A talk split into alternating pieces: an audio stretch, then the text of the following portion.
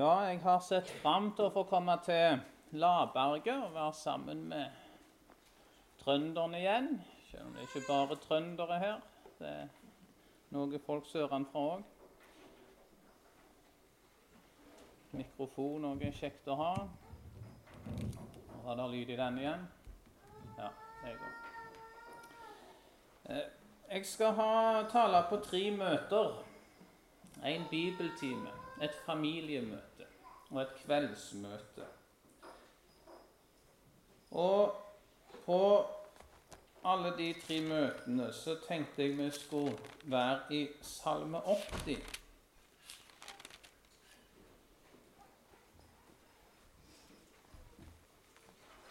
Og det løye med det Det var en liten ting i den salmen som stansa meg nå i vår. Eh, som fikk meg til å tenke litt og begynte å gruble. Eh, og så har jeg blitt værende mye i Salme 80 eh, etter det. Og Vi skal lese salmen, og så Ja, vi leser, før vi leser, skal vi be sammen. Ja, kjære gode Far. Takk for at du har gitt oss ditt ord.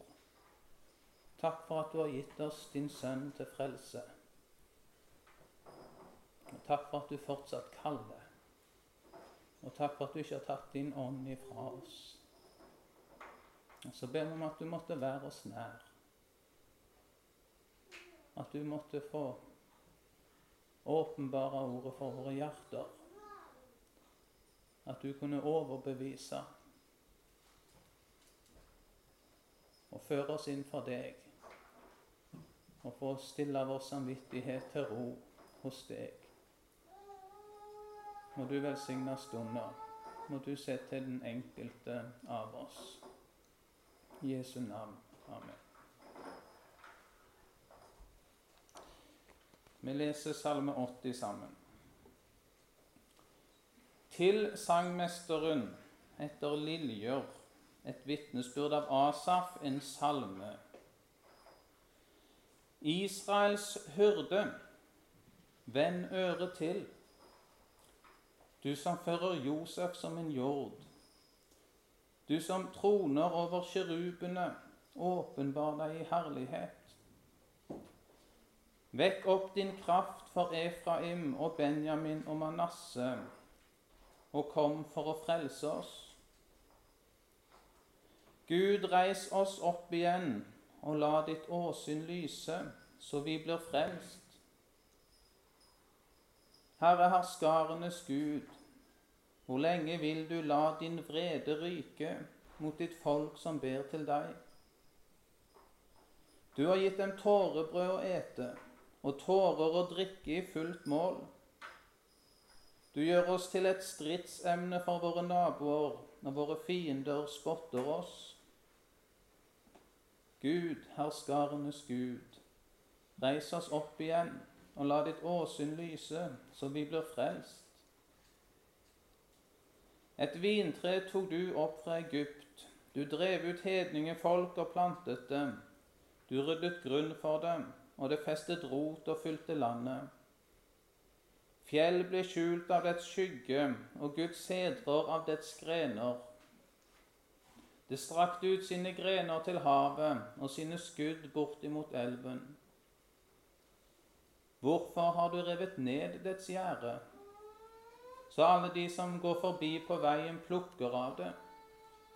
Svinet fra skogen gnager på det, og krypet på marken eter av det. Gud, herskarenes Gud. Vend tilbake, vend blikket ned fra himmelen og se. Ta deg av dette vintreet. Vern om det som din høyre hånd har plantet, om den sønn som du har utvalgt deg. Det er brent med ild, det er hogd ned.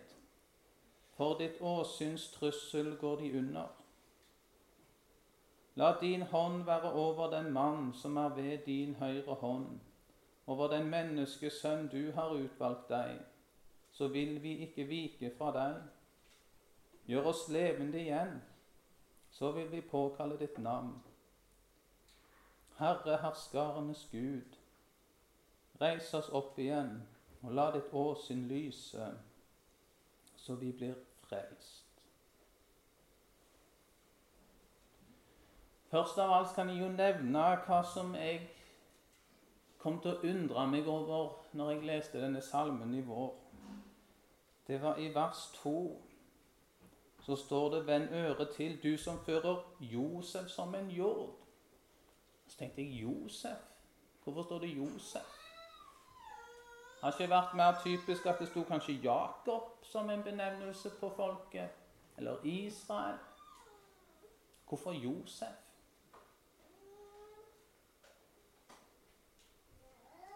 Kan du jo undre litt på det, du òg, før vi skal komme tilbake til det.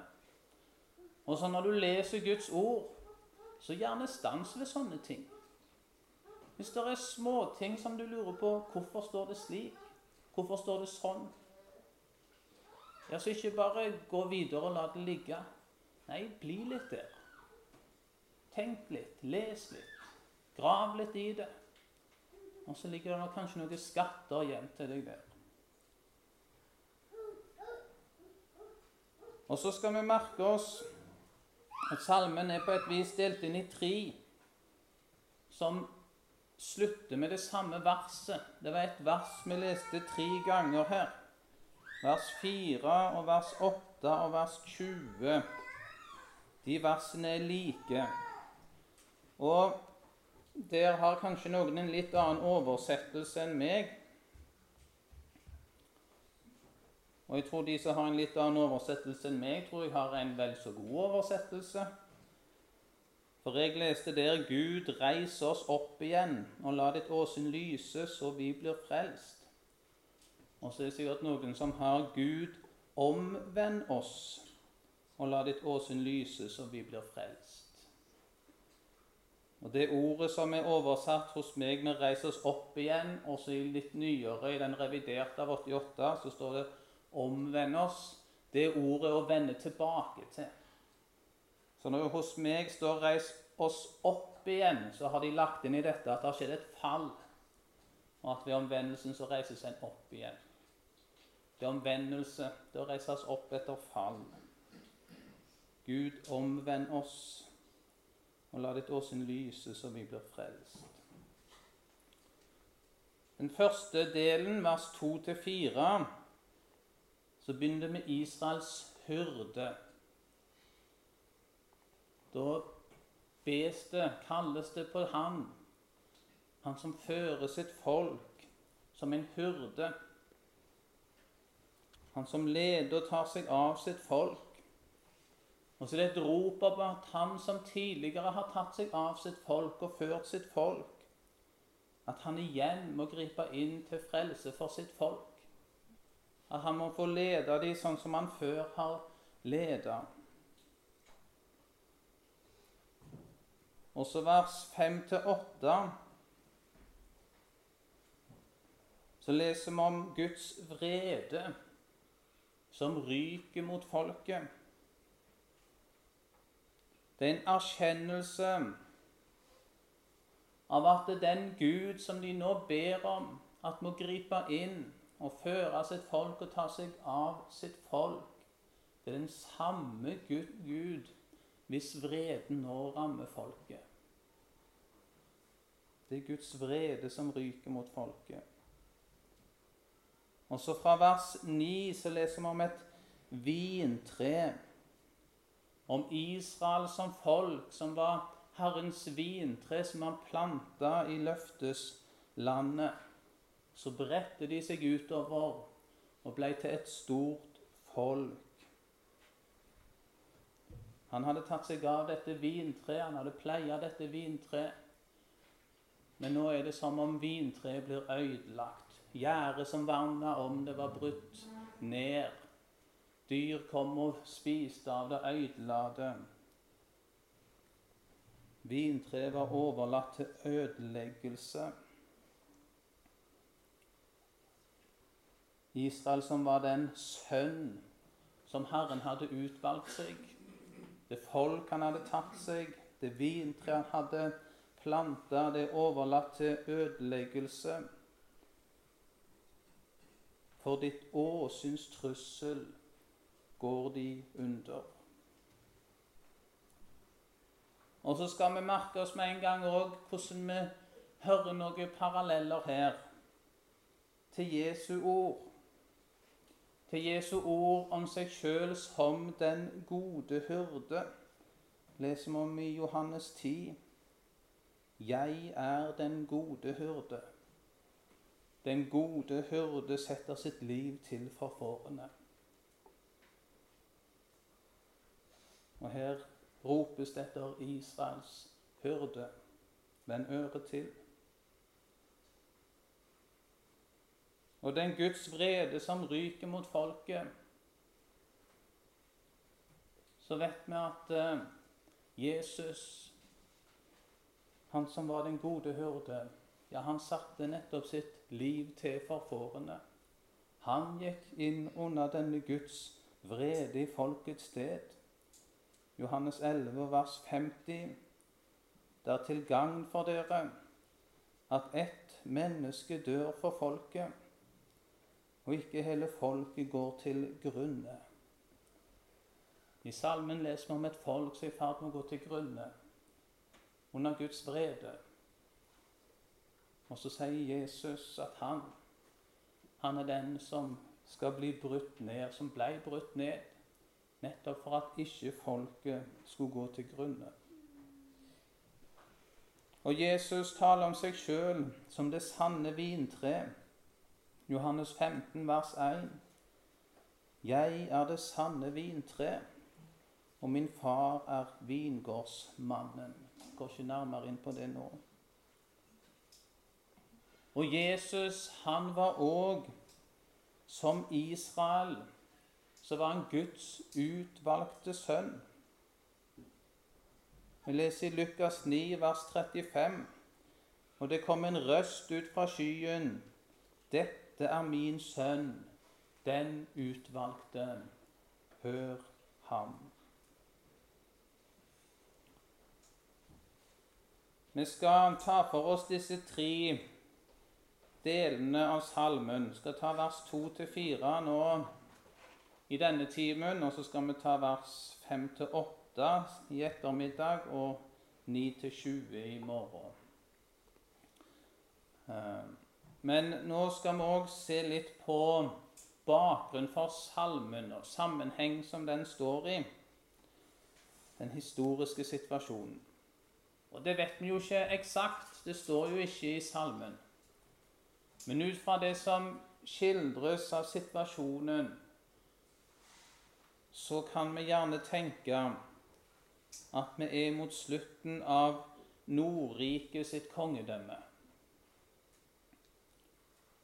Israel som nasjon de ble jo delt etter kong Salomo. Da skilte de fleste av Israels stammer seg ifra Judas stamme, ifra Jerusalem. Og David og Salomo, som var av Judas stamme, det var jo der Gud hadde knytta sine frelsesløfter til, til kongen på Juda trone av kongen av Juda på Davids trone i Jerusalem. Og Det var her i Jerusalem Gud hadde sagt han skulle åpenbare seg til frelse. Der skulle Gud la seg se. I Jerusalem. Her var det Herren hadde sagt han skulle bo midt i sitt folk. I tempelet skulle han ha sin bolig i sitt folk.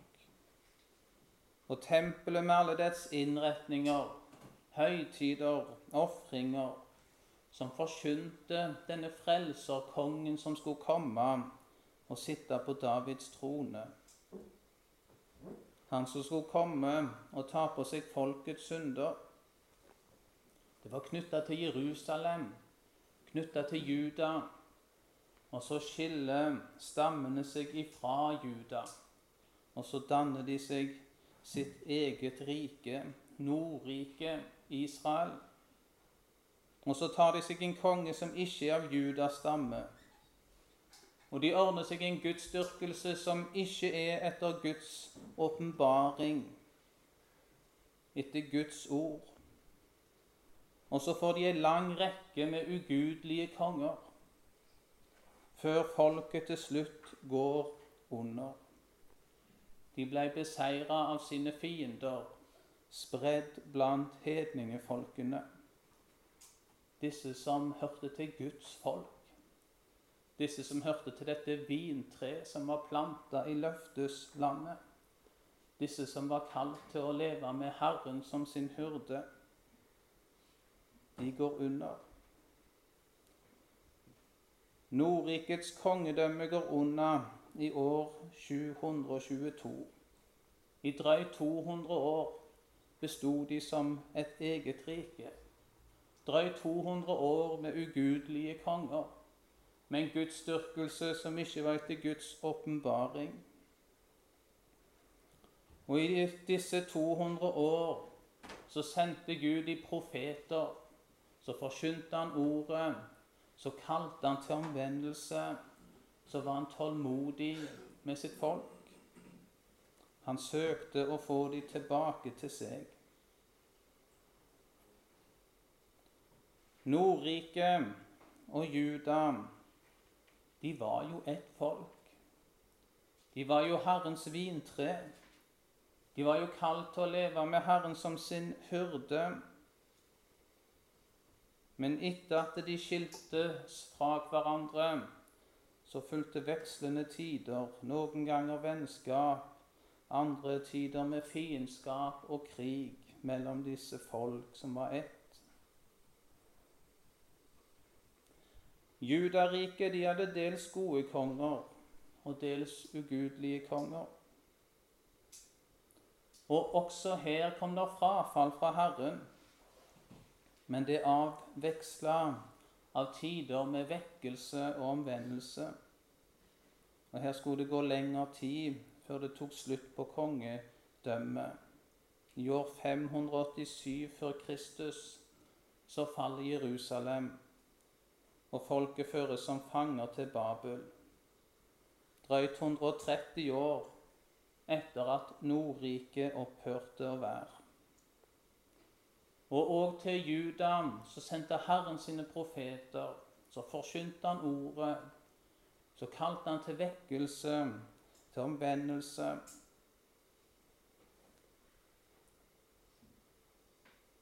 Den siste tida før Nordriket faller og går under, så er det en urolig tid. Det er mye uro mellom folkene i Midtøsten. Og Syria, som lenge har vært et av de dominerende rikene i verdenspolitikken, de får en ny storhetstid fra midt på 700-tallet før Kristus. Og under den store asyriske kongen Tiglat Pileser så tar Nordriket først og inngår samarbeid. De slutter seg sammen med verdensriket søker støtte og hjelp i det asyriske riket. Og så må de betale for dette vennskap, og de må betale skatt til Syria. Og så kommer det nye konger og som tenker annerledes, og så vil de ut av dette. Og så slutter de å betale skatt. Og så sender Syria sine hærstyrker innover Nordriket, kommer inn fra nordøst. Og dette skjer flere ganger. Flere ganger kommer fienden over dem og herjer landet, og deler av folket blir ført i fangenskap. Andre kongebok, kapittel 15, kan slå opp der.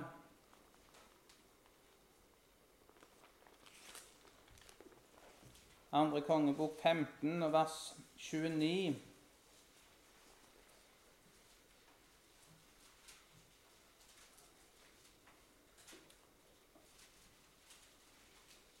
I Israels konge Pekas dager kom kongen i Asyria, Tiglat Pileser, og tok Ion og Abel Bet Maaka og Janoa og Kedes og Hasor og Gilead og Galilea hele Naftalis land, og han bortførte innbyggerne til Asyria.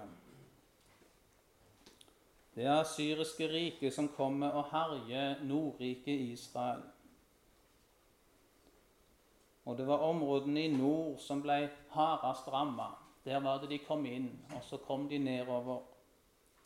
Og det var en mørk og en hard tid for folket. Mye død, mye nød, mye lidelse. Og så kan vi slå opp i Jesaja kapittel 9. For Jesaja er på samme tida her.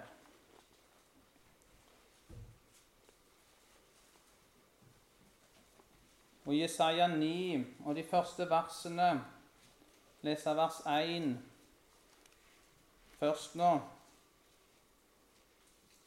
Så står det at det skal ikke alltid være mørke i det land hvor det nå er trengsel. Altså Da er det dette som er bakgrunnen. Det er fienden som herjer Nordriket. Det er krig, og det er død, og det er nød, og det er mørke. Og så tales det her det skal ikke alltid være mørke i det land hvor det nå er trengsel. Tidligere førte Herren vanære over Sebulons land og over Naftalis land. Men i framtiden skal han føre ære over det, over veien ved havet, landet på den andre siden av Jordan, hedningenes Galilea. Det var dette området som var så hardt ramma av Guds vrede. Hedningfolkene som fikk herje, men dypest sett de under Guds vrede. Og det mørke. Og så er det Jesaja forkynner inn at det skal ikke alltid være mørke dersom det nå er så mørkt. Jesus, han var det lys som skulle komme opp over disse områdene over det land som nå lå i mørket. Og Jesus gikk mye rundt nettopp i disse områdene i Galilea. Der var han mye omkring. Og Matteus skriver at han bosatte seg i dette området, i Kapernaum, i Naftalis landområder, nettopp for at dette ordet av Jesaja skulle gå i oppfyllelse. Han var det lys som skulle komme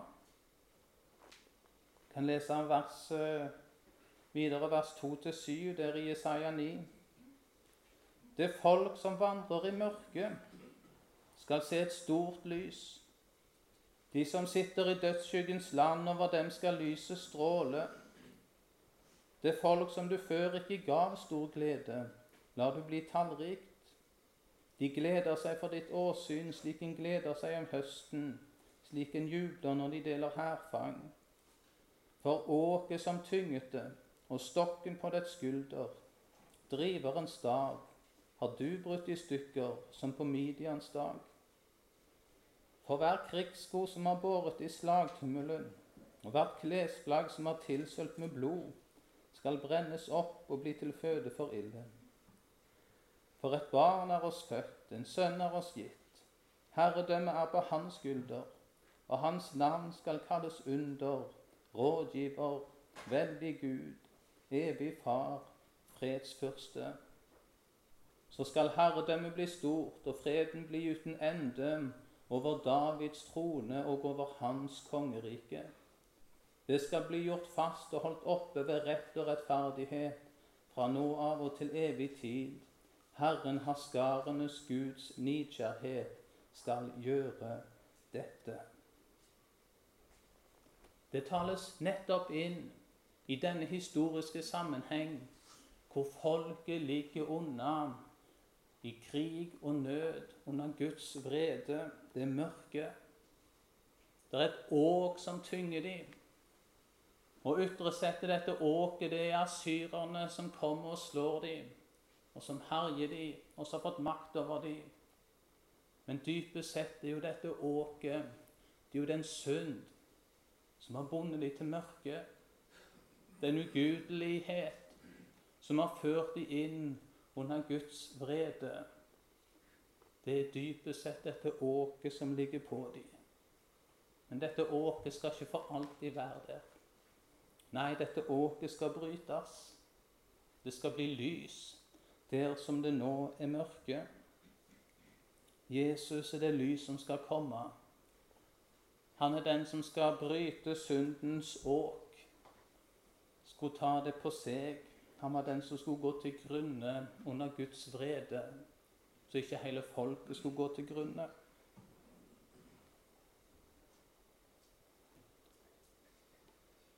Det er i denne tid, mot slutten av Nordriket, at vi tenker salmen er blitt til. Det er i denne nødens tid. Og salmen den er skrevet i Juda. Og fortsatt er det ganske greit i Juda. Men så ser salmisten til Nordrike, til sine brødre og så må han be til Herren for dem. Og samtidig så er jo Juda òg under den samme dom. Jeg skal lese litt mer fra Jesaja. Lese fra Jesaja 6. Og vi kan lett tenke om oss sjøl. Skulle vi plassert oss inn i denne situasjonen, så hadde vi nok plassert oss i Juda der som det fortsatt står ganske bra til. Og så at vi får stirre til de ugudelige som nå under Guds vrede. Men så er det det at dommen ligger òg over Juda. Og Jesaja, når han skal profetere og forkynne Guds ord, så får han vite at det blir til forherdelse. For folket vil ikke ta imot Herrens ord. Og vi leser Jesaja 6, og versene 9-12. Det er Herren som taler til Jesaja, og han sa:" Gå av sted og si til dette folket:" Hør og hør, men forstå ikke. Se og se, men skjønn ikke. Gjør hjertet sløvt i dette folket. Gjør ørene tunghørte og klin øynene til for at de ikke skal se med øynene og høre med ørene, og slik at hjertet ikke skal forstå og omvende seg så det kan bli lekt. Da spurte jeg, Hvor lenge, Herre? Og han sa, Til byene er ødelagt og folketomme, og husene uten mennesker, og landet er ødelagt og blitt til en ørken. Herren skal drive menneskene langt bort, og tomheten blir stor i landet. Situasjonen er altså at Israel, Nordriket, de lider under dårlig styre, politisk uro, krig, død, bortførelse av folket. I Juda er det foreløpig ganske stabilt, men de går i den samme retning, om enn de ikke har kommet like langt på veien som det Nordriket har gjort og over, over de vil ulykken komme, for de ikke tar imot Guds ord og vender om til Ham.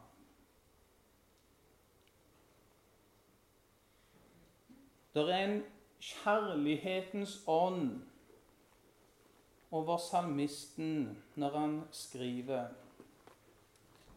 Det er nød for folket, et rop til Gud for folket, en kjærlighetens ånd. Og dette skal vi ta med oss. Det er så lett for oss å se med fiendskap på de som forlater Guds ord, de som går bort ifra Herrens vei. Leser jo i Salme 1 om de som vandrer i ugudelige folks råd som står på synderes vei og sitter i spotteres sete. Og så kan det bli så lett for oss å se på andre og plassere de inn her, og se med fiendskap mot de på grunn av at de forlater Herren. Men et Guds barn er ingen menneskers fiende. Husk det. Et Guds barn er ingen menneskers fiende. Og så skulle vi ikke se med noen, se på noen med forakt. Ikke se på noen med fiendtlighet. Nei, Guds barn, de er jo som sin far, han de er født av. Han som elsker både onde og gode, ja, sjøl sine fiender. Matteus 5, vers 44. Men jeg sier dere, elsk deres fiender. Velsign dem som forbanner dere. Gjør vel imot dem som hater dere, og be for dem som forfølger dere, for at dere kan være barn av deres Far i himmelen. For han lar sin sol gå opp over onde og gode, og lar det regne over rettferdige og urettferdige. Om verden er Guds barns fiender, så gjør ikke det et Guds barn til sin nestes fiende. Nei, med kjærlighet møter et Guds barn sin fiende, eller den som stiller seg fiendtlig mot et Guds barn. Elske sine fiender. For det er vår slekt det er våre brødre, på samme vis som Juda og stammen i nord. De var jo brødre. De var jo opprundet fra det samme. Det var det samme vintre som var planta i løfteslandet. Og på samme vis Menneskene, de er våre brødre. Vi er av den samme slekt, menneskeslekten. Den slekt som Gud har satt så høyt at han gjorde seg ett med denne slekt, gikk inn i denne slekt, ble en av oss, ble vår bror. Og var ikke bare vår bror han gikk inn og blei. Nei, det var de alle. Han gikk inn i menneskeslekten. Så skulle òg vi elske og vår fiende, for det er vår bror. Og så erfarer vi sjøl i våre dager å være i et folk som er under Guds vrede. Og det ser vi ved at vårt folk og våre ledere de har forkasta Guds ord og er overgitt til et udugelig sinn. Så får vi òg smake Guds vrede ved at Herren overgir oss til vrang lære og til forførelse. Og som Juda fulgte i Israels spor, sånn har mange kommet inn på forfallets spor og i vår tid. Og det preger oss alle i større og mindre grad. Har jeg noe å rose meg med mot min bror? Nei, så visst ikke. Nei, skulle vi bli selvtilfredse, så er det en sikker vei til frafall. Heller skulle vi takke for hver dag vi har Guds ord levende iblant oss skulle takke for hver dag der er syndenød som en trenger til Kristi frelse og til Jesu blod. Takke for hver en som står på sannhetsgrunn. Takke for hver en som fortsatt ledes av Guds ånd. Det er ingen selvfølge at vi har Guds ånd, at vi har ordets lys hos oss vi leser i Ordspråkene 1 vers 27. Når det dere gruer forekommer som et uvær, og deres ulykke farer fram som en stormvind, når trengsel og nød kommer over dere, da skal de kalle på meg, men jeg svarer ikke. De skal søke meg, men ikke finne meg. Tenkte på det etter drapene på Utøya. Det var så mange mennesker som var redde.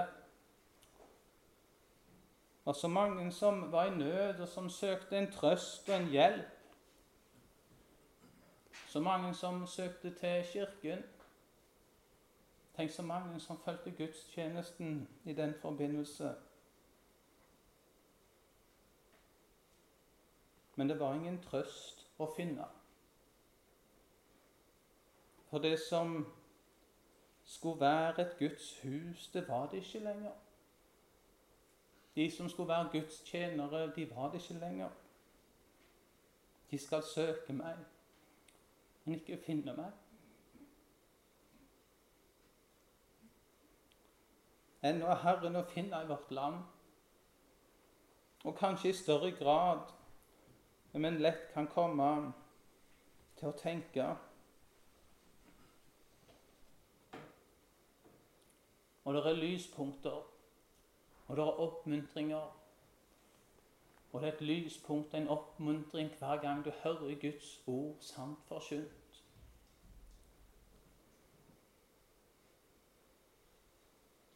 Samtidig så er frafallet rundt oss stort, og den åndelige nød er stor.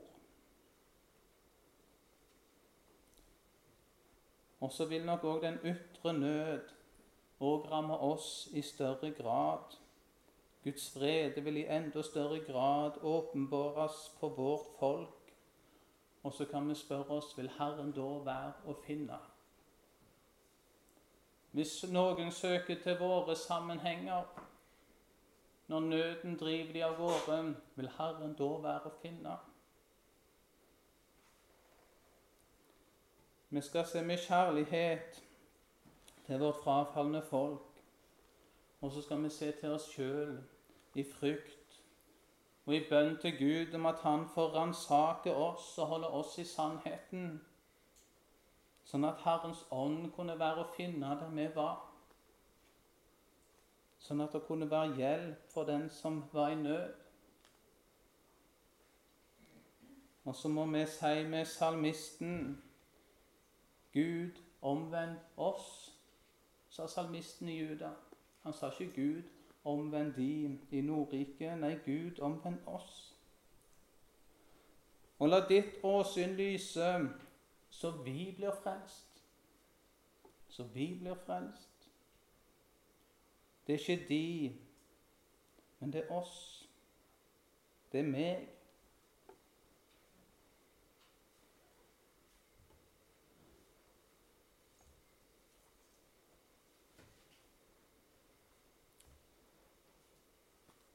så skal vi komme litt inn på Josef. Vi leser vers 2-4 en gang til her i Salme 80.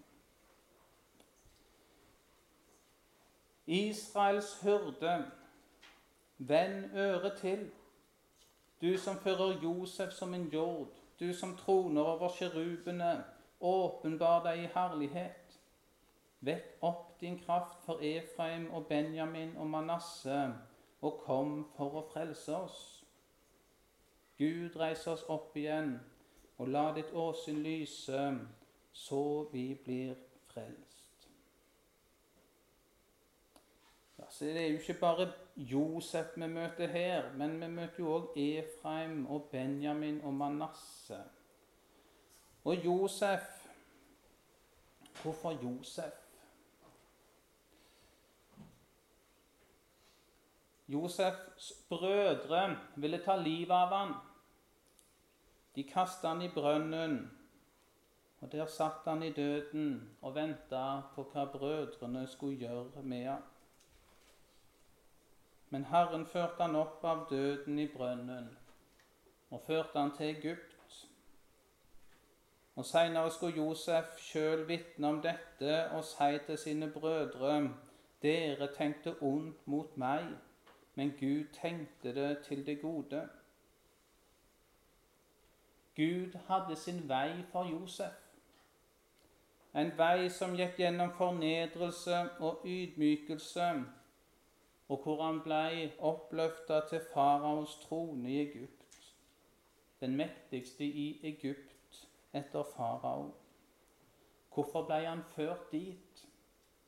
Jo, Josef sier det sjøl, 1. Mosebok 45 vers 7. Gud sendte meg i forveien for dere, fordi han ville at det skulle være en rest av dere på jorden, og for å holde dere i live, så det ble en stor frelse. Josef ble opphøya til fyrste for å være sine brødre til frelse. Dette Guds folk, som ennå da bare var en familie, en stor familie. Et folk uten land, ja, uten folk. Og likevel, for deres skyld, så bruker Herren Egypt som redskap for å bringe de frelse. Det mektige, rike Egypt. Det kunne Herren ta i sin hånd, og så kunne han bruke det til å føre velsignelse over Jakob. Ja, ikke bare over Jakob, men over Egypt sjøl og for mange folk. Første Mosebok ja, Nei, der jeg har skrevet feil eh, kapittel. Men i hvert fall Dere tenkte ondt mot meg, sier Josef til sine brødre. Men Gud tenkte det til det gode, for å gjøre dette som vi ser i dag, og berge livet for mange mennesker. Gud, han er mektig til å bruke de mektigste riker på jord til å føre sin velsignelse ut. Det gjorde han med Josef ved å la han få styre over Egypt og sånn føre velsignelse ut. Israels hyrde, vend øret til, du som fører Josef som en jord. Det er folk som nå lei under egen ugudelighet, under fiendens herjinger. Ja, de som var under Guds forbannelse. De som fikk Asyria ført over seg til dom og forbannelse. De var opprundet av Josef. Du som fører Josef som en jord. Det er den samme Gud som vel kunne brukt Asyria til å bringe velsignelse, til å bringe fred. Det står i hans makt. Han gjør det han vil. Du som troner over kjerubene, åpenbar deg i herlighet. Vekk opp din kraft. Det er jo ikke at Gud ikke er mektig, at Gud ikke har kraft, at Gud ikke kan. Jo, Gud kan og gjør det han vil. Han kunne føre velsignelse ved Egypt, og nå fører han forbannelse ved Asyria. Og så roper salmisten, 'Tenk på Josef'. Tenk hvordan han vandra i troskap, i lydighet, i tålmodighet. Og så ble det til velsignelse, til frelse for Herren, han kan. Herren, han makter. Herren, han gjør som han vil.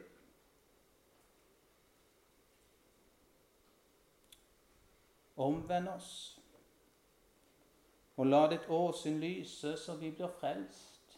Omvend oss, så vi kunne få vandre som Josef, så vi kunne få være under velsignelsen, så vi ble frelst. Hvor lenge skal vi holde på, da? Til ti over? Fem minutter igjen, da. Får vi hoppe over litt her. Da hopper vi oss over Benjamin, og så sier vi litt om Efraim og Manasseh. Efraim og Manasseh, ja. Det var jo Josefs to sønner.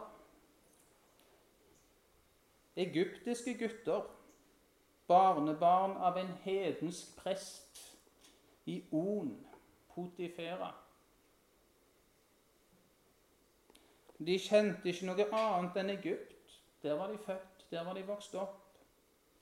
Og så kjente de det som Josef hadde lært dem om sine fedre og sine fedres Gud.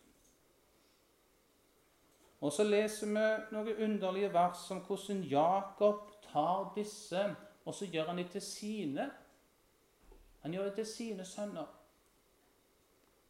Og så blir de blant Israels stammer. Og sånn er det som om Josef får en dobbel velsignelse. Han får sine to sønner som stammer i Israel. Jakob tar de til sine. Og Så skal vi lese litt fra 1. Mosebok 48, vers 15. For Der leser vi om når Jakob velsigner Efraim og Manasseh. Får jeg lov å holde på til kvart over òg, eller? De tør ikke riste på hodet her framme. Kanskje jeg heller skulle sett på denne sida.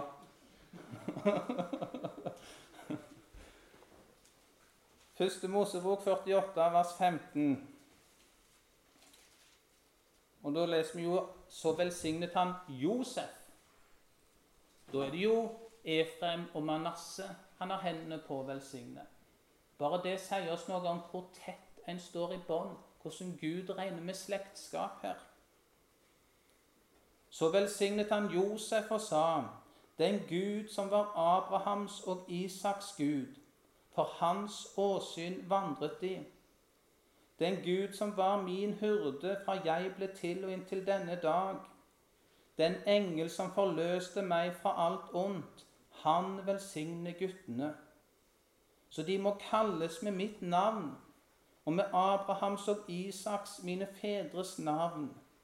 Og må de vokse til en stor skare på jorden.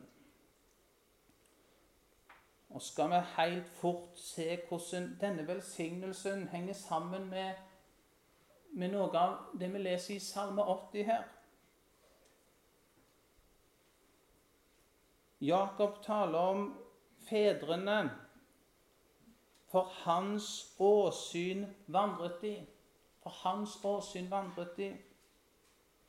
Og så kjenner vi det igjen fra salmen vi leser her nå.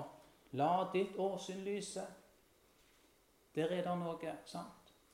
Å få være for Guds åsyn. Få leve for Hans åsyn, for Guds ansikt. Under Hans velsignelse, for Hans åsyn vandret de. Og så leser vi òg hva Jakob sier. Den Gud som var min hyrde.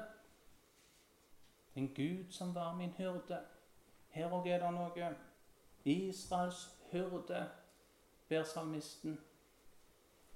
Det er den samme, han som leder Jakob.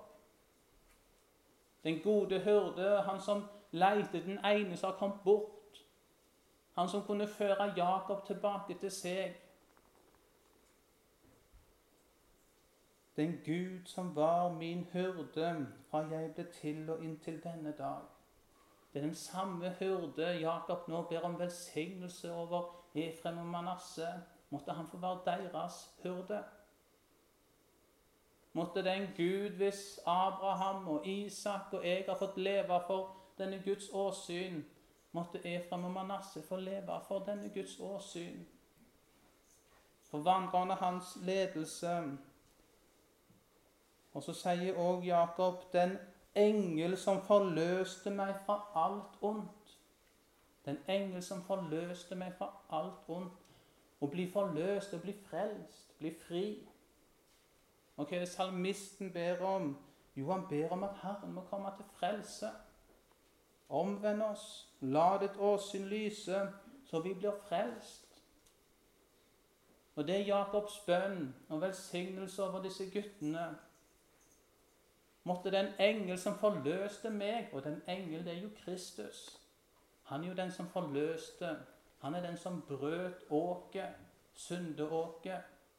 Og måtte han òg få være disse guttenes frelser. Kunne han òg få bargardien dien til seg. At ikke de skulle leve under syndeåket, men leve i frihet for Herrens åsyn. Og hvis dette får skje, hvis guttene får leve under denne velsignelse, ja, da skal de kalles med mitt navn.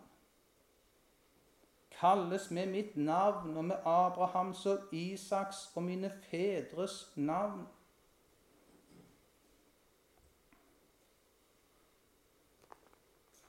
Og der er vi inne på noe. Hva er dette? Å bli kalt ved deres navn? Jo, gå inn i den samme slekt. Vær av det samme navn. Det finnes en slekt her på jord som lever fra Guds åsyn. Som alltid er under hans velsignelse. Som ledes av Han. Han er deres hyrde.